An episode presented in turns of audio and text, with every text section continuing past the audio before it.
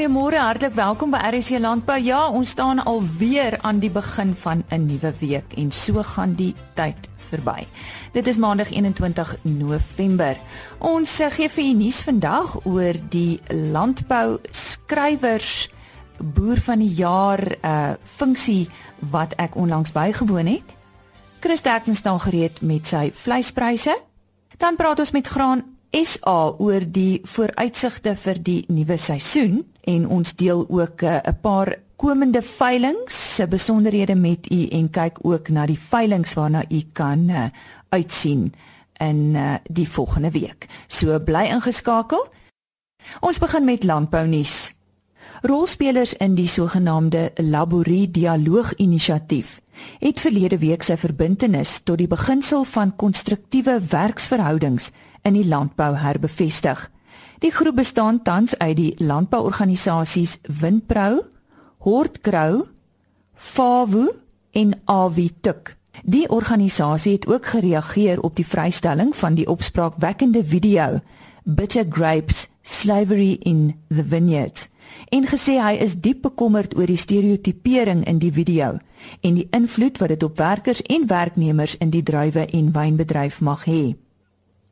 Die organisasie het 'n beroep op die media gedoen om ten alle tye gebalanseerde rapportering te verseker en om feite en stellings te verifieer voordat dit gepubliseer of uitgesaai word. Hy het hom ten sterkste uitgespreek teenoor die opsetlike manipulasie van hoogs emotiewe gebeure en die uitbuiting van plaaswerkers. Die jaarlikse nasionale landbou skrywers toekenningsgeleentheid het op Vrydag aand 11 November net buite Pretoria plaasgevind. Talle produsente, landboukundiges en landbouskrywers is die aand vereer. Ek het na die geleentheid met die nasionale voorsitter van die nasionale landbou skrywers Magde de Tooi oor die aand gesels, so ook uh, wie die aand vereer is. Maar sy verduidelik eers hoe lank sy betrokke is by landbou skrywers en wat die doel van landbou skrywers is. Dit is die 7de jaar wat ek voorsitter is vir die nasionale landbou skrywers. Wie is landbou skrywers? Ek dink nie die luisteraars besef en daar's soveel boere van die jaar. Wat wat is die funksie van landbou skrywers? Hoekom is daar so 'n instansie?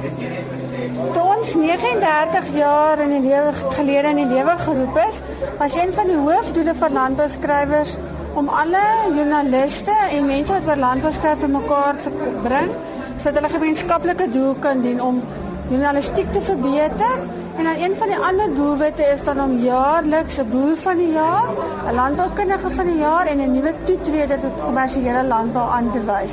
Wat dan landbou in Suid-Afrika verteenwoordig en deel daarvan is om ook om die beeld van landbou in Suid-Afrika te verbeter en vir verbruikers daarop te wys wat 'n groot rol landbou eintlik in hulle lewens speel. Nou kom ons begin bietjie by die ehm um, erken die wat erkenning gekry het vanaand as jy vir ons kan sê wie was die wenner? Die wenner in die nasionale boer van die jaar was alles beste boerdery. Dis Andre Adrian en Zander Ernst van Zenin omgewing. Die landboukundige van die jaar was Dr. Theo die Jager, baie bekende in landboukringe.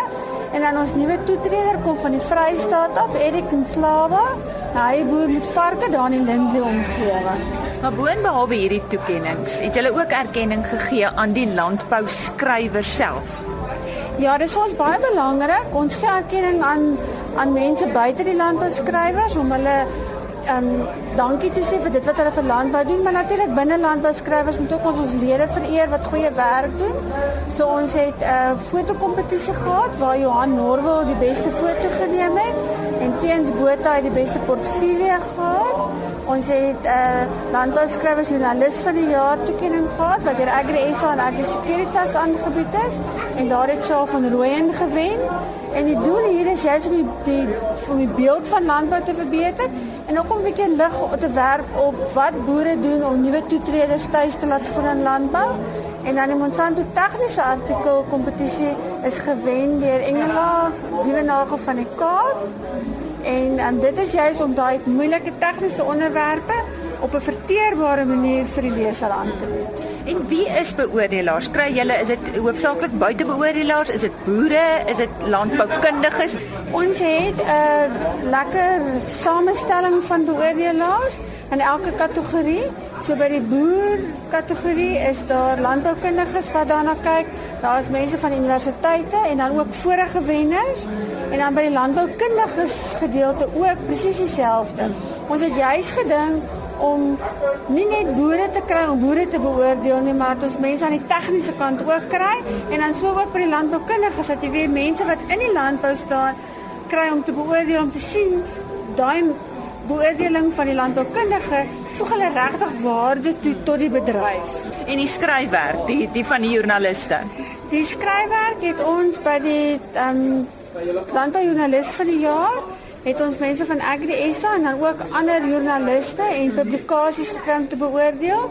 En dan by die Monsanto tegniese artikel kompetisie het ons mense binne Monsanto gebruik wat juis in 'n tegniese danigheid ook binne Monsanto werksaam is, maar ons het ook daar mense van uh advertensiemaatskappye en ander joernaliste gekry om te help beoordeel. Nou ons weet gewoonlik in 'n boer van die jaar kompetisie word daar 'n finaliste wat meeding is mense van verskillende provinsies. So in hierdie geval is dit dieselfde waar mense genomineer word. Dis presies dieselfde en wat ons toe kenning 'n bietjie anders maak, dis nie 'n kompetisie waar iemand kan inskryf nie. Die landbouskrywers identifiseer iemand wat hulle dink dit waardig is om hierdie toekenning te ontvang. So dit maak dit 'n bietjie nie regtig 'n kompetisie in die sin van die woord nie, dis meer 'n verering en 'n erkenning. Ek het daar gesels met die nasionale voorsitter van die landbouskrywers vereniging Magda de Tooi en sy het ook genoem dat Shaal van Rooyen met die toekenning weggestap as die 2016 landbouskrywers joernalis van die jaar. En gewoonlik as dit kom by onderhoude is hy die een wat die vrae vra en nou is dit andersom. Kom ons hoor uh, waar het sy loopbaan in die landbou begin? Ek het op die plaas groot geword en toe by die Volkspad begin werk 43 jaar gelede. So ek is al 43 jaar by Naspers, die laaste 27 jaar by die Landbouweekblad. En jy was al seker oral. Ek het die voorreg gehad in my werk om al in omtrent so 30 lande te wees, maar die lekkerste is is om op die topplase van Suid-Afrika te kan kom met daai boere onderhoude te, te voer en te kyk wat hulle alles vermag deur wetenskap veral deesdae in te in te span om net die beste resultate te haal want alles gaan oor volhoubaarheid. En as jy nie jou hulpmiddels en jou tegniese hulpmiddels en jou wetenskaplike hulpmiddels gebruik nie en ook dan die menslike hulpmiddels dan sal jy nêrens kom nie. Ek dink nie die luisteraars besef of selfs die boere besef hoeveel gaan daar in om 'n storie te skryf nie. Dis nogal harde werk. Dis 'n harde werk veral as jy nou 'n werklike uitstaande artikel skryf oor 'n boer. Jy hou hom dikwels lank dop. Soms hou ek 'n boer vir jare dop voor ek hom nader en sê ek wil graag 'n artikel by jou kom skryf. En dan vooraf sorg dat jy dat jy dat jy redelik baie weet van waaroor sy boerdery gaan. En dan vat jy hom nou vas en jy begin daai indringende vrae vra. Uh want jy jou lesers is boere, jou lesers is baie kundige boere hulle is nie te tevrede met 'n oppervlakkige storieetjie uh oor wat waarmee hierdie boer hom besig hou nie. Jy moet vir hulle werklik uh indringende inligting gee wat wat die regte antwoorde op hulle vrae gee. Nou die spesifieke artikel waarvoor jy hierdie toekenning gekry het, vertel ons bietjie daarvan. Die artikel was vir wat is gemik op uh om erkenning te gee aan hoe opkomende boere dit reg kry om kommersiële boere te word. Uh, en ook hoe hulle dit met doen met behulp van mentors. Ek was by 'n boeredag gewees waar hierdie een swart boer vertel het van hoe hy met braunvleebeeste boer. Maar sy mentor, so Herman was ook daar gewees. Daar loops die boer oor wie ek nou praat, is 'n klein in Gasikoma. Hy boer met met braunvleebeeste by by 'n uh, daar naby val die Vallas besproeiingsskema waar ek groot geword het. Sy naaste dorp is Rywilou. En ek het geluister na die man vir daai dag en ek het gehoor maar hy het 'n besonderse storie hoe hy 'n plaas by die regering gekry het, hoe die staat vir hom mentors aangestel het, maar op die ou end het hulle hom meer in die sloot gehelp. Hulle het lyndrade vir hom gespan met mense wat hulle aangestel het wat na die eerste reën omgeval het. Uh daar was nie infrastruktuur nie. Hy kon nie regtig boer nie te onttrek hulle en hulle het nou hulle taak uit, uitgevoer. Toe kom hy in kontak met so 'n Harman wat daar in die Groot Madiko boer en wat ook 'n besigheid het wat uh swart boere en en ander kleurige boere in die algemeen mentor en hulle help om die tegniese vaardighede aan te leer oor hoe om te boer. Hy het hulle uit vir klein Jan ook gehelp om met behulp van banklenings sy eie grond te koop. So hy 'n klein Jan het net besluit as die staat my dan nou nie wil of kan help nie, dan help ek myself. Sjoe, nou die toekenning na soveel jare in die industrie. Dis dalk 'n moeilike vraag, maar wat sê dit vir jou? Dit is lekker om erkenning te kry. Ek dink enige mens het maar 'n egoetjie op jou. Dit is lekker. Ek het nog nooit hierdie kompetisie gewen nie. Ek het wel al die tegniese artikel kompetisie 3 keer gewen. Uh maar die die die kompetisie wat gemik is op op opkomende boere was my geweldige uitdaging om te wen en ek het 'n hele paar keer geprobeer tot ek agtergekom het wat wil die beoordelaars eintlik hê. Dit is werklik diepgaande inligting oor hoe hierdie man te werk gegaan het. En ek is dankbaar dat ek vanaand erkenning gekry het. Die stem daarvan Charles van Rooyen en hy's aangewys as die nasionale landbouskrywers 2016 se joernalis of landbouskrywer van die jaar. Dis nie altyd maklik om 'n boer te wees nie. Daarom het Bayer besluit dis hoogtyd dat jy die boer bedank word vir jou ondersteuning en die kos wat jy daagliks op ons tafel sit. Bayer stel graag sy reuse Bayer dankie beloningsprogram bekend. Die eerste van sy soort vir die Suid-Afrikaanse boer. 'n Paar tawwe pryse gaan weggegee word. 'n Toyota Land Cruiser, 'n viertrek motorfiets, doseerprogramme en vele meer ter waarde van bykans 1.5 miljoen rand. Hou die pers maandeliks dop vir ongelooflike pryse, gratis produkpromosies, krap en wen promosies en nog vele meer. Kontak jou plaaslike Bayer agent nou of besoek jou naaste agribesigheid en kry die beloning wat jy verdien. 'n Massiewe Bayer dankie aan elke boer. En nou staan Chris Dexon gereed met sy vleispryse en dit is pryse wat behaal is by veilinge op die 15de November in die Noord-Vrystaat. Môre Chris. Môre. Die belangrikste is jy weet met die verskriklike droogte wat ons gehad het, die meeste boere oorverkoop. Nou kry ons baie goeie reën en niemand is regtig lus om te verkoop nie. So veegetalle het dramaties afgeneem. Ek gee vir julle die presiese pryse wat julle sal sien het baie skerp en mooi gestyg speenkalf onder 200 kg deur R23.07 van 200 tot 250 kg R22.05 en oor 250 kg R21.17 per kilo. A klasse R20.24, B klasse R19 presies, C klasse vetkoeie R17.69 en naarkoeie R14.09 per kilo. Slagbulle R18.09. En vir die skaapmark, stoorlam R31.61, slaglam R27.01, maaroeie R20.44 en vetoeie R21.21 per kilogram. Indien ek van enige verdere hulp kan wees, skakel my enige tyd na 08280 75961. Baie dankie. Ons het daar gehoor van Chris Derksen. Hoe lyk vooruitsigte vir die nuwe seisoen? Ek gesels nou met Dr Dirk Strydom. Hy is by Graan SA se afdeling vir graanekonomie en navorsing. Goeiemôre, baie dankie man. Dit is ek dink dit is blywend om die, om die reën te sien en almal se gemoedere is sommer beter na so so lekker reënbuy.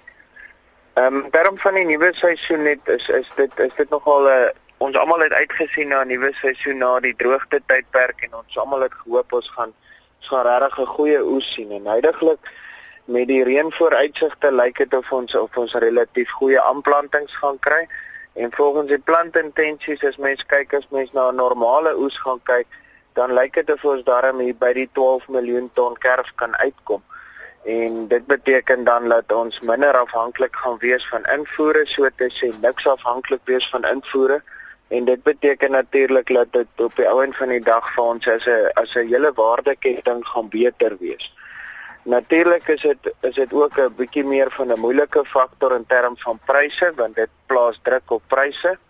En dit gaan baie belangrik wees dat 'n ou dan nou in die toekoms in verseker dat mens jou bemarking gaan moet reg doen en dit gaan 'n baie belangrike rol vir die komende seisoen wees is jou bemarking en die bestuur van van jou hele boerdery. Ehm um, en omdat winsgewendheid dalk bietjie onder druk kan kom. Maar ons is positief en sien uit na die nuwe jaar en ek meen as daar nuwe produksie is dan dan weet ons kontantvloeie is beter en die en die hele stelsel is beter. Dirk, ek weet dit is moeilik om te gesels oor oor reën veral as ons nie presies weet wat het ver oggend of gisteraand gebeur nie, maar watter areas is is werklik in die moeilikheid? Kyk, as ons as ons gaan kyk heidaglik soos wat ons hier staan het die westelike gedeeltes nou nog steeds nie uitermate baie reën gekry nie. Hulle het reën gekry, maar ons benodig nog steeds reën in daai area. Gelukkig daar is nog 'n bietjie tyd Ehm um, ons kan nog ons kan nog reën verwag. Die die voorspellings lyk of daar daarom of daai areas reën gaan kry. Ehm um, ek dink die een belangrike faktor wat ou moet in ag neem is is tans lyk dit goed met plante en dit lyk die intensies lyk goed en al die goed lyk goed, maar daar is nog steeds baie water wat in die see moet loop. Ehm um, ons weet natuurlik 'n belangrike tydperk bly vir ons ons midsomer gedeeltes. Alhoewel dit lyk of die weervoorspelling sê ons gaan nie regtig probleme daai tyd hê nie, is dit nog steeds vir ons 'n 'n risikovlaggie wat 'n mens in gedagte moet hou. Ons het nie 'n buffer nie. Ons ons ons ons het nie 'n buffer wat ons soos in ander jare mee kan werk as daar 'n bietjie van 'n probleem kom nie. So dit bly maar 'n bietjie van 'n bekommernis. Uh maar dit lyk daarom of of die weste gaan reën kry. Hoopelik hoopelik kry ons reën en dan kan ons seker wees ons produsente kan plant. Dalk moet jy vir ons uh, algemene luisteraar verduidelik die areas veral daar in die Vrystaat wat nou ehm um, amper weggespoel het. Is die skade nog want is nog vroeë planttyd, ehm um, is dit nog moontlik om daai skade om om om om om dit te herstel as ek dit so kan stel? Ja, daar was areas wat so 'n bietjie weggespoel het. Ehm um, gelukkig daar is nog tyd. Ehm um, baie van die van die van daai lande kan weer oorgeplant word. Ehm um, so ons het daarom nog tyd om om die skade reg te maak. Ons weet natuurlik dit is 'n risiko na elke jaar van droogte is daar altyd vloede. Ehm um, so dit is 'n risiko, maar ons het daarom nog tyd om om om weer daai skade reg te maak. Daar's baie haal gewees. In sekere van die areas het die haal nie regtig 'n invloed gehad nie omdat die omdat die plante reeds klein was. Ehm uh, en van die plante het weer die vermoë om weer te herstel. Dit hang net af hoe hoe erg die halskade was. Hmm. Maar daar is nog tyd en dis die dis die positiewe faktor. Uit 'n finansiële oogpunt is dit uh, baie geld vir 'n boer om oor te plant. Ja, ek meen dit is dit is dit is al die saadkoste wat oor is. Ehm um, so dit is maar dit is 'n dit is 'n risiko want jy jy jy jy, jy, jy plant oor. Ehm um, gelukkig jy hoef nie jou chemikalieë en al die tipe van goed terug te sit nie. Maar jy betaal tog dieselkoste en jy het weer saadkoste wat wat die kostes verhoog. Ehm um, en geen boer wil her, wil oorplant nie. En Dirk wat die brandstof en dieselprys betref, uh, dit uh, dinge lyk positief vir die einde van hierdie maand. Ja, ons die, die dinge lyk positief. Ons sou sien ons het dalk 'n verlaging in die in die in die dieselprys. Dit is nog steeds afhanklik van wat gaan gebeur met die wisselkoers. Dis die moeilike ene tans in terme van van ons uitsetpryse en in terme van die uitsetpryse. Is is die wisselkoers. Niemand weet op die stadium waartoe gaan die wisselkoers nie en is baie volatiel. So as die wisselkoers verder verswak, dan kan ons dalk nie heeltemal die verlaging sien wat wat wat daarvan gepraat word nie, maar as die as die pryse stabiliseer, die wisselkoers stabiliseer waar hy is, kan ons kan ons uitkyk na 'n verlaging in die in die dieselprys wat natuurlik groot positief is. U daag gehoor van Dr Dirk Strydom van Graan SA.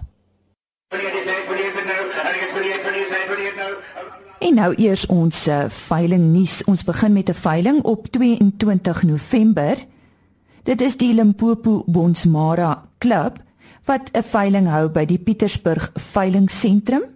25 SP bulle, 30 vroulike stoetdiere en 150 kommersiële stoetdiere sal opgeveil word.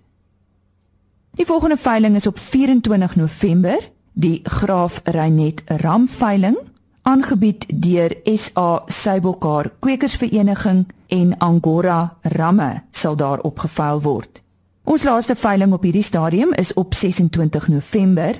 Dit is die algehele uitverkoping van 'n dormer kudde. Die plek is by Plaas Holbank in die Ermelo distrik. En vir meer hieroor gesels ons nou juis met Frik Verster. Ja, môre Lize, ja, uh, dit is ongelukkig so dat daar maar mense kom wat nou naderhand moet ophou met hulle boerderye as gevolg van baie dinge wat uh verskillende redes het. Maar uh ja, hierdie is 'n totale uitverkoping van die dormerkudde van Gert Wessels. Nou Gert Wessels uh is ek bevoorreg om baie jare te ken. Ek en hy was ook kollegas in die afslaersbedryf gewees en hy het nou sy oë gesit en sy insette gesit op 'n kudde wat hy uh, mee gaan boer het na die afslaersbedryf. Uh wel, eintlik moet ek daarom sê hy was al besig daarmee gewees voordat hy uh nou alleen gaan boer het. Hy het dit saam gedoen met die afslaagsbedryf. Maar hierdie is 'n uitmuntende kudde. Nou Gert Wessels is 'n man wat uh, baie baie goeie goeie beginsels het uit vaste beginsels. Hy het mikpunte en hy doelwitte en uh, hy wyk nie baie maklik daarvan af nie en hy het besluit dat hy wil een van die beste suiwer geteelde kuddes in die land vestig en hy het baie naby daaraan gekom as dit nie een van as dit nie die beste kudde is nie. Nou hierdie veiling vind plaas en uh, hy gaan uh, dit alles verkoop. Dit is 'n suiwer geteelde kommersiële kudde uh vanaf 1980. Nou hy het om een of ander rede besluit om nie geregistreerde kudde te hou nie. Maar wat hy wel gedoen het is uh dat hy altyd net die beste ramme gebruik wat hy sy hande kon opsit. En uh al die diere wat hier uh aan verkoop word en aangebied word vir keuring. Met ander woorde, dit kan in die in die uh, stamboek opgeneem word wanneer die keerders dit reg uh ag. En dit is baie maklik om dit te doen want dit is 'n hoë hoë kwaliteit kudde. Die lamseisoen wat hy gebruik het is altyd in April en Mei, o as ook in September en Oktober. Maar uh die liefde wat hy vir vir hierdie skape het en wat hy ontwikkel het, kan jy sien in die kwaliteit van waarmee hy boer. Dit is absoluut uh 'n kudde om op trots te wees. En nou ja, Gert is nie net 'n skaapboer nie. Hy het ook 'n uh, saaiboerdery aan die kant en dan is hy 'n kenner van van windhondjies. Hy gaan ook op hierdie veiling hierdie steekkaar windhondjies aanbied. Hy het 'n paar reentjies wat hy daar gaan aanbied. Hy's baie lief vir hulle en hy werk met hulle baie mooi. So Gert is 'n man van baie talente en uh, hy is 'n man met baie baie baie uh, uh mikpunte en doelwitte wat hy vir hom stel. Ek kan dalk net gou vir jou sê dat die aanbod gaan wees uh hier in die omgewing van 1500 uh dormers. En die en die as jy dit opbreek dan gaan jy so 570 oeye hê wat lekker in produksie is en uh hulle gaan by die raam loop en hulle gaan in hierdie tye wat ek jou gesê het lam. En dan is daar twee tandooitjies wat so 55 is in getal en 230 twee tandooie wat by die raam geloop het. Is uitstekende kwaliteit diere en enige iemand wat iewers 'n plantjie wil begin met hierdie skape, hier is die geleentheid. Nou die beste ramme is ge aangebied uh, gebruik soos ek vir altyd vir jou gesê het en dan ook uh, kan ek vir jou sê dat hierdie dormers is baie vrugbare skape. Jy weet daar is die mense praat van tot van 160 tot 180% lampersentasie en dit is dan nou uitsluitlik 'n vleisras. Hy het ook 'n bietjie wol maar uh is uitsluitlik 'n vleisras en uh baie goeie groei en 'n mens kan eintlik op 'n klein stukkie grond met baie goeie getalle boer en dan jou effektiwiteit en ekonomiese dinge baie mooi aan aanvul daar. Frik nou sien ek eh, jy het so vinnig verwys na die hondjies. Ek sien daar's 4 steekkaar windhonde en 4 maande reentjies ook op aanbod. Ja, die die hondjies is daar. Uh dit is dis 'n unieke Gert Wessels hondjie lyk like dit vir my. Hy baie lief vir hulle en hy gebruik hulle dan nou oralster op sy plaas en uh, daar's die mense kom van oor die land om van sy hondjies te bekom. Ja, dis dis 'n regte realiteit daarso. En hoe laat begin dit? Die veiling begin uh die 26 November, dit is 'n Saterdag om 11:00 op die plaas Holbank. En uh dit kan 'n lekker dag wees vir almal om te kom kyk na baie goeie kwaliteit. En ons nooi almal uit om vir Gert en Marita te kom kuier daar op op Holbank. Goed, 'n telefoonnommer vir meer inligting asseblief. Liefde die maklikste is, ek gaan nou nie vir jou 'n klomp nommers gee nie as die mense my maar skakel by uh, 0826522132. Ek gaan dit weer gou sê, dis 0826522132 en dan is die veiling ook baie mooi geadverteer op ons webwerf van BKB van Wyk. Jy kan daarop ingaan en daar is alle kontaknommers en alle inligting is daar. Daar's ook 'n pragtige video beskikbaar van my skape op die webwerf, so jy kan gerus 'n bietjie daar gaan loer. En dit was aan Frik Verster daar aan die woord oor die algehele uitverkoping van 'n dormer kudde op 26 November by die plaas Holbank in die Ermelo distrik. En sover veilingnuus. Ons praat nou met met Craig Leroux uh, van Vleis Sentraal en ons praat met hom oor die Limpopo Bonsmara klip veiling. Wanneer vind hierdie veiling plaas, Craig? En nee, hy vind plaas die 22 November. 11 uur se kant. En waar vind dit presies plaas? Daar by Polokwane skougronde, die veiling sentrum.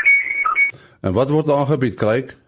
Uh, hier wat die manne gaan aanbied is omtrent so 15 top SP bulle mooi teelballe en dan so 100 vroulike diere, geselekteerde vroulike diere.